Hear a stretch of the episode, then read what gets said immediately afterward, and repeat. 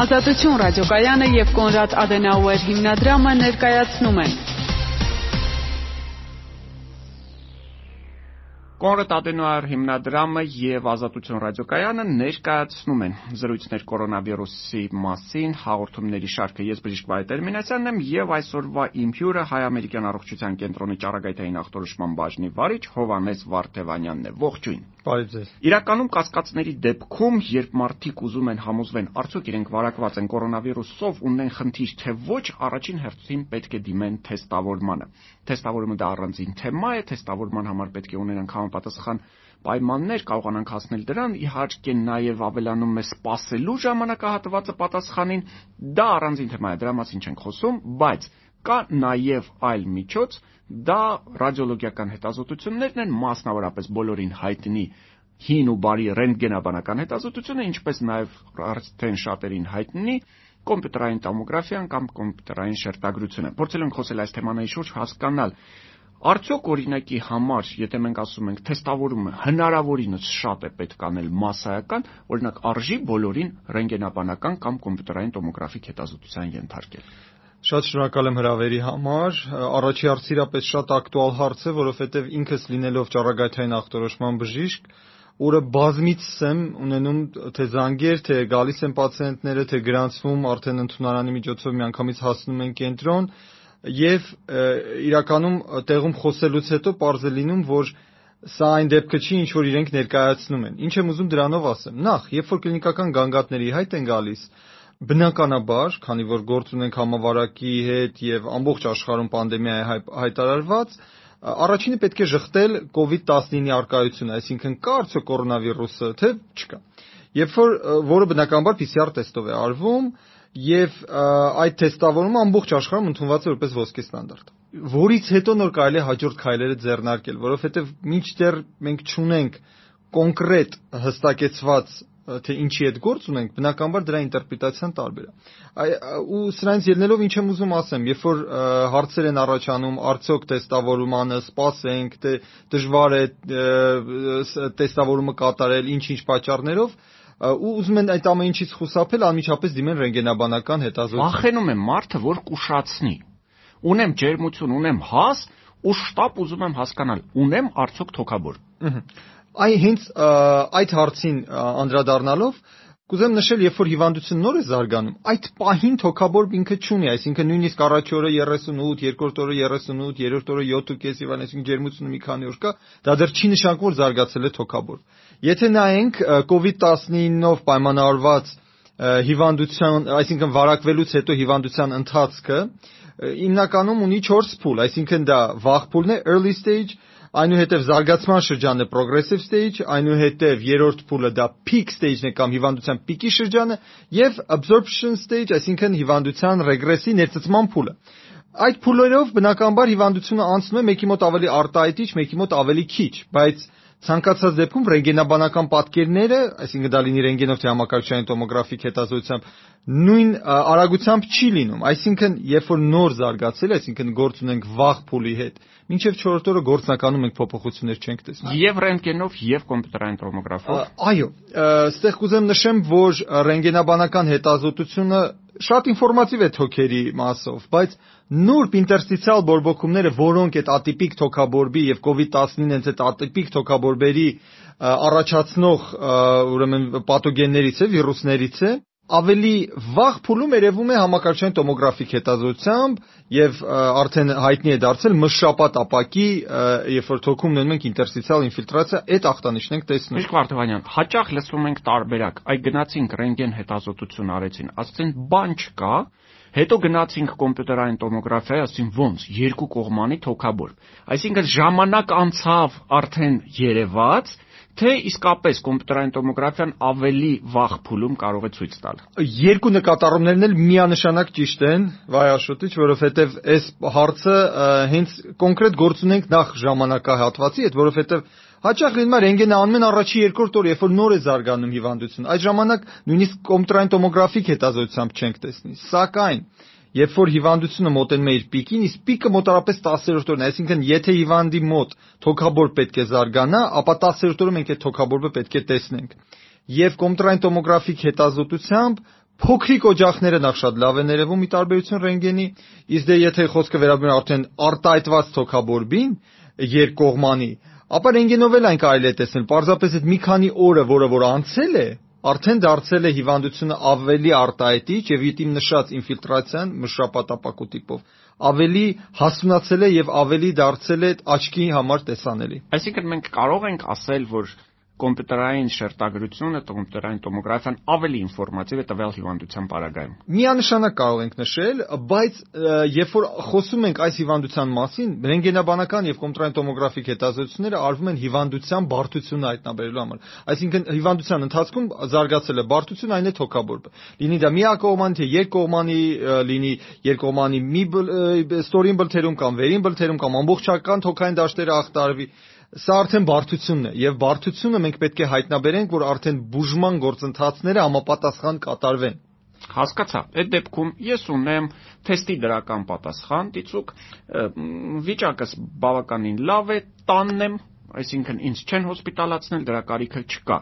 արդյոք իմաստ ունի, որ ես գամ ու անցնեմ կոմպյուտերային տոմոգրաֆիա, թե եթե լավ եմ դրա կարիքը չկա։ Եթե նենք միջազգային, ուրեմն ուղեցույցերով, եթե հիվանդության ընթացքում, այսինքն վարակվել է հիվանդը 1 օր, 2 օր ջերմել է, կան կողքից որոշակի գանգատներ, ինչը բնորոշ է COVID-19-ին, բայց ընթացքում արդեն ոնց որ նշեցի, վաղ փուլը այնուհետև պրոգրեսիվ եւ պիկի շրջան, ոչ միական փոփոխություն չի լինում, ընդհակառակը թեթևանում են գանգատները, կարող է 10-րդ օրը մարդ նույնիսկ չջերմի այդ ժամանակ հարց են տալի. Արժե անել կատե թե ոչ իրականում հետեւյալն է եթե կլինիկորեն չի բարթացել դեպքը այսինքն ճունենք թթվածնախախտ ճունենք եւոց թուլություն նոր գանգատներ որոնք հիվանդության սկզբում արկա չէին որը կխոսի արդեն թոքաբորբի մասին իրականում պետք չի շտապել գնալ կատե անելու այսինքն դրանից շատ բան չի փոխվում բայց հաշվի առնելով որ մենք անհամեմատ ավելի տեմպերամենտով ազգենք եւ մեզ նույնիսկ պոտենցիալ այն միտքը, որ կարող է մենք ինչ-որ մի բան ուշացնում ենք, բնականաբար մենք վազում ենք կոմպյուտերային տոմոգրաֆիայի։ Առավել եւս հարևանս գնացել է, իսկ ես ինչու չգնամ այդ կոմպյուտերային տոմոգրաֆիային։ Ու հստակ կարող եմ ասել, որ այսօր բոլոր կոմպյուտերային տոմոգրաֆիկ բաժանմունքներ ծանրաբեռնված աշխատում են հիմնականում այսպիսի դեպքերի հետ կապված։ Նույնիսկ կարող եմ նշել, որ 10-րդ օրը, եթե մենք ԱՏՕ-ով է տեսնում ենք փոքրիկ բորբոքման զոնա, դա դեռ չի նշանակում, որ դա բարդություն է, որովհետև եթե շնչառական մակերեսի 30%-ից ավելին ախտահարված չէ, ապա հիմնականում անհետևանք այդ ամեն ինչը անցնելու է։ Կա, բայց նաև գիտեմ հակառակ տարբերակը, երբ պացիենտը գալիս է եւ կարծես թե ասում է, դե հիմա գիտեմ, որ հիվանդ եմ, ունեմ որոշակի գանգատներ, բայց ված չեմ ոդկի վրա եւ դուք կատարում եք կոմպյուտերային տոմոգրաֆիկ հետազոտություն եւ տեսնում եք, որ այնտեղ բավականին լուրջ խնդիր է։ Կա նման տարբերակ։ Այդպիսի դեպքեր, այո, եղել են բազմիցս։ Կուզեմ նշեմ, որ նմանատիպ դեպքերը մի քանի գործոն է ստեղ առաջնահերթ նա նախ որ հիվանդները պացիենտները գիտակցելով որ իրանց մոտ հիվանդությունը կա ամենձև խուսափում են նույնիսկ ենթագիտակցական մակարդակից որ իրանց մոտ կարող է բարդություն լինի ու դրա համար օբյեկտիվորեն երբեմն չեն էլ պատասխանում իրանց կլինիկա իրանց արչև դրված հարցերին թե արդյոք իրանց կլինիկան փոխվել է թե ոչ բայց ինչ կուզեմ ստեղ նշել որ անպայման շատ կարևոր է կլինիկական մյուս պրոֆիլի մասնագետների հետ համագործակցությունը որովհետեւ որովհետև եթե ունենք ուղեկցող հիվանդություններ, ունենք ռիսկային խումբի հիվանդներ, եւ որը պոտենցիալ կարող է ավելի բարթացնել, որովհետեւ գիտենք, որ օրինակ շաքարային դիաբետով հիվանդների մոտ կլինիկան կարող է ավելի թեթև ընթանալ, մինչդեռ իրական պատկերը շատ ավելի ծանր լինի։ Հոգերում ավելի ծանր խնդիր ունենան։ Շատ ավելի ծանր խնդիր ունենան ու տենց դեպքեր լինում են բազմաթիվ, որ հոսպիտալացնում են ժամեր հետո հիվանդը հայտնում է շատ ավելի վատ վիճակում։ Ոստի բնականաբար պետք է այդ բոլորը համադրել։ Եթե խոսքը երիտասարդ պացիենտի մասին է, որ չունի կողքից որից է խնդիր, բնականաբար այդտեղ ավելի շատ հոգեբանական գործոնն է, որ ուզում են հետազոտեն իրենց հանգստացնելու համար, բայց մեծերը հաճախ խուսափում են բժշկի այցելուց, միջդեռ իրենք թաքցնում, իրենք պահում են այն կարևոր ախտանիշները, որը ավելի վաղ փուլում կարելի է ճիշտ բուժումը կատարել։ Հիմա վերջապես գնալ թե չէ, ունենք դրական պատասխան։ Դուք ինչ եք խորհուրդ տալիս, գնալ թե կոմպյուտերային տոմոգրաֆիայի թե ոչ։ Ես խորհուրդ եմ տալի հետեւյալը՝ դիմել ուրեմն տեղամասային տեղամասային բժշկին, այսինքն թերապևտի հսկողությունը լինի։ Հիվանդության ընթացքը կարողանանք ճիշտ ձևով հսկել, այսինքն եթե տեսնում ենք հիվանդության խորացում, սատուրացիան նվազում, այսինքն թթվածնի օքսիգենացիան արյան մեջ իջնում է, տեսնում ենք կողքից նոր կլինիկական գանգատների առաջացում հիվանդության առաջի եւ երկրորդ փուլի ընթացքի ժամանակ, այսինքն մոտավորապես 1 շաբաթ ինչ հիվանդությունը զարգացել է եւ տեսնում ենք սկզբնական թուլությանը ավելացել է նաեւ չորհաց, թուլություն, հեվոց, առատ քրտնարտադրություն, բնականաբար գնալու ենք հետազոտության։ Բայց եթե հիվանդության ընթացքը ավելի բարվոք է, այդ ավելորդ ճառագայթային հետազոտությունը չի փրկելու ոչ մի այլ պոտենցիալ բարդությունից։ Ավելորդ ճառագայթային հետազոտություն դուք ասացեք, իհարկե մենք բոլորս գիտենք, որ եւ ռենտգենաբանական եւ կոմպյուտերային տոմոգրաֆիան դրանք ճառագայթային ծանրաբեռնվածություն են։ Եթե դրանք երկուսը իրար հետ համեմատենք, ո՞րն է ավելի թեթև։ Իրականում ռենտգենաբանական հետազոտությունը տասնյակ անգամ ավելի քիչ ճառագայթային բեռնվածություն է առաջացնում եւ չեմ չեմ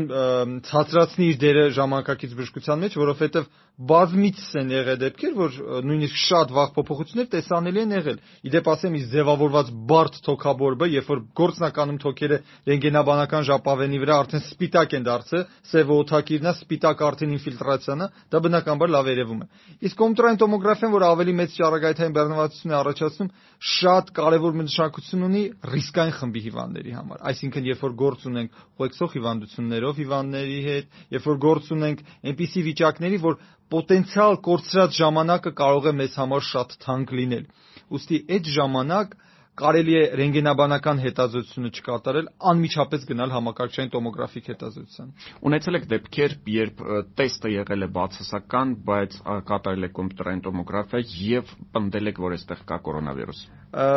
շատ կարևոր հարց, վարաշոտ իսկապես ունեցել եմ նմանատիպ կարելի ասել նույնիսկ դեբատներ, որովհետև որ նշեցի մշապատ ապակու տիպով ինֆիլտրացիան, այն էլ գործնականում ամառը, երբ որ այլ վարակ տենց չի մոլեգնում, ինչպես կորոնավիրուսը, բնականաբար նմանատիպ պատկեր տեսնելու դեպքում մենք պարտավոր ենք արձագանքենք, որ ստեղ COVID-19-ի հավանականությունը շատ բարձր է։ Վերջնական հաստատումը մնում է արդեն սերոլոգիական հետազոտություններին, կամ ինթուբ մինչև համակարգ Բայց հիշում ենք, որ իրականում այս թեստերը նույնպես կարող են սխալվել։ Այո, միանշանակ դա ընդունելով դրա համար երբ որ ունենք կատեով կամ ռենտգենով հիմնականում կոմպյուտերային տոմոգրաֆիկ հետազոտությամբ համապատասխան, այսինքն պաթոգնոմոնիկ պատկերներ, պարտադիր բուժումը պետք է նենց վարել, ոնց որ կվարեին COVID-19 դրական հիվանդին։ Մենք խոսում ենք ճառագայթային ծանրաբեռնվածության մասին եւ այստեղ չեմ կարող չանդրադառնալ այն խնդրին, որ երբեմն ստիված ենք, այսինքն ոչ թե երբեմն, այլ հաճախ։ Սկսեցինք, հետազոտեցինք, կա թոքաբոր, սկսեցինք բուժումը, հետո նաև պետք է գնահատենք, այսինքն սովորաբար այդ պացիենտները քանի անգամ պետք է անցնեն տոմոգրաֆիկ հետազոտություն մինչև հասնենք այսպես առողջ վիճակին։ Շատ ակտուալ հարց, եթե մենք պատկերացնենք ժամանակային գրաֆիկ, հիվանդը միջին տարիքի առանց ակնհայտ ուղեկցող հիվանդությունների հիվանդի մոտ երբ որ հայտնաբերվել է կորոնավիրուսային վարակը, հիվանդության ընթացքը միջին կամ նույնիսկ թեթև ծանրությանը 17 օրը կոնտրանտոմոգրաֆիկ հետազոտությունը դա օպտիմալ է եւ եթե այդ ժամանակ մինիմալ ինչ որ փոփոխություն ենք տեսնում կամ նույնիսկ փոփոխությունը չենք տեսնում, ուրեմն parz է արդեն դրանից հետո շարունակելու բան չունենք։ Երբ որ ունենք ռիսկային խումբ կամ այնպիսի դեպք, երբ որ հիվանդությունը բարդ ավելի բարդ, ավելի ծանր ընթացք է ունենում, Առաջի հետազոտությունից հետո, բնականաբար կախված հիվանդության ընթացքից, հիմնականում խորհուրդ ենք տալիս 7-ից 10 օր հետո կրկնել հաջորդ հետազոտությունը։ Իհարկե հաշվի առնելով կոնկրետ հիվանդի հիվանդության ընթացքը, որովհետև եթե ընթացքում զարգացել են բարդություններ, որը պետք է շատ հստակ գնահատել, անպայման պետք է ավելի շուտ ժամանակահատվածում կատել կրկնել կատե հետազոտությունը։ Իսկ եթե ընթացքը բարվոք է եւ բուժող բժիշկը ընթացքից, այսպես ասած, գոհ է, ապա հաջորդ հետազոտությունը կանենք 7-ից 10 օր հետո տեսնենք ինչ փուլում է հիվանդությունը։ Կա տարբերակ, հիվանդը նշում է, որ արդեն լավ եմ, խնդիրներ չունեմ, ես առողջացել եմ, դուք անում եք կոմպյուտերային տոմոգրաֆիա, ասում եք Չելսի էլիս կներես, բայց դու բավականին դեռևս ծանր հիվանդություն ես ունում։ Այո, որովհետև ինտերստիցիալ թոքաբորբերը ընթանում են ատիպիկ ընթացքով, այսինքն ի տարբերություն բակտերիալ կլասիկ թոքաբորբերին, երբ որ հիվանդությունը ներծծման փուլից հետո արդեն գործնական տեսնում ենք նորմալացած շնչառական մակերես թոքային հյուսվածքում, ապա կորոնավիրուսային վարակի դեպքում պատկերին փոքր ավելի դժվար է եւ կա տերմին կոչվում է օրգանիզացող թոքաբորբ դա այն թոքաբորբն է որը որ զարգանում է որպես բարդություն հիմնականում վիրուսային թոքաբորբերից հետո եւ շատ հաճախ կորոնավիրուսի պատճառով առաջացած թոքաբորբից հետո ունեն մենք այդ պատկերը օրգանիզացիով թոքաբորբի տիպով, որը թոքերի ֆիբրոզը ֆիբրոզին հիշեցնող պատկեր է, այսինքն թոքային հյուսվածքը պնդացել է։ Թոքային հյուսվածքը չի կարողանում նորմալ մասնակցի այն ֆունկցիային, ինչին որ պարտավոր է մասնակցի, այսինքն թթվածինների փոխադրմանը դեպի արյուն, Ոստի նույնիսկ երբ որ հիվանդը լավացել է եւ ունեն կլինիկական լավացած վիճակ, դա դեռ չի նշանակում, որ կարող է ռենտգենաբանորեն կամ ԿՏ-ով ունենանք նորմալ պատկեր եւ այդ ժամանակ երբ որ տեսնում ենք նման տիպ պատկեր մենք միանշանակ նախ բուժող բժշկին ուղղորդում ենք որ կարող է այնտեղ մի փոքր բուժման կորեկցիայի հարց լինի եւ երկրորդը հիվանդին չի կարելի թույլ տալ այդ փուլում վերադառնալ այն ոնց որ հենակետային վիճակին, որից որ սկսել ենք, այսինքն լրիվ առողջ վիճակ, որովհետև դեռ լրիվ ապակինված չէ։ Ինչ կասեք երեխաների մասին։ Երեխայի մոտ կա դրական պատասխան, այսինքն թեստը դրական է եկել, ինչ ենք անում երեխան գուցե ինքը չկարողանա ճիշտ գնահատել իր վիճակը տանենք կոմպյուտերային տոմոգրաֆիայի կամ ռենտգենի թե իսկապես հետևենք դեռևս եթե խոսքը վերաբերվում է երեխային երեխաներին մինչև 18 տարեկան հասակում եւ կորոնավիրուսային վարակը դրական է ապա կլինցիստի դերը ստեղ շատ կարևոր է, որովհետև ճառագայթային հետազոտությունները այդ տարիքում համարվում են ոչ ցանկալի, որովհետև կարող են ունենալ որոշակի հետևանքեր։ Հետևաբար, եթե հարցը դրվում է այնպես, որ այո, վիճակը ծանրացել այսինքն ունենք սատուրացիայի իջեցում, ունենք կլինիկական բարդ ընթացք, միգուցե կոմպյուտերային տոմոգրաֆիային միանգամից դիմենք։ Մինչդեռ ռենտգենաբանական հետազոտությունը այս պարագայում մաքսիմալ մեզ օգնող կլինի, որովհետև նախ ճառագայթային բեռնվածությունը իջեցնում, ճառագայթային բեռնվածությունը ցածր եւ երկրորդը ծանր թոքաբորբի պատկերը նույնպես կարելի է որսալ ռենտգենաբանական հետազոտությամբ Ոստի այստեղ կոնտրային տոմոգրաֆիան տալիս է միանշանակ երկրորդային դեր։ Ինչ կասեք կանանց եւ տղամարդկանց մասին։ Կան արդյոք տարբերություններ։ Իմ կողքից տենց նկատածով կարող եմ ասել, որ տարբերությունը հետեւյալն է։ Տղամարդիկ շատ ավելի վաղ փուլում են դիմում բժշկին։ Այսինքն գագաթները անհամատ ավելի վաղ փուլում են իրենք կարողանում հստակ ներկայացնել, մինչդեռ կանայք դիմանում են։ Եվ ունեցել եմ դեպքեր, որ կինը շատ ծանր վիճակում, նույնիսկ մեր մոտից հետո որ գնացել հոսպիտալացել են սատուրացիան 80 եւ ցածր, բայց ինքին են ասում որ լավ է զգում։ Այսինքն Կարամ նշեմ, որ մեր կանայք շատ դիմացկ ունեն, իսկ մեր տղամարդիկ շատ հետևողական։ Շնորհակալություն, սա Կոնրադ Ադենաուեր հիմնադրամի եւ Ազատություն ռադիոկայանի Զրույցներ կորոնավիրուսի մասին հաղորդումների շարքն է։ Ես բժիշկ Վայտերի Մինասյանն եմ։ Իմ հյուրը այսօր Հայ-ամերիկյան առողջության կենտրոնի ճառագայթային ախտորոշման բաժնի վարիչ Հովանես Վարդևանյանն էր։ Եղեք առողջ, պահպանեք կանոնները, կհանդիպենք մեկ շաբաթից։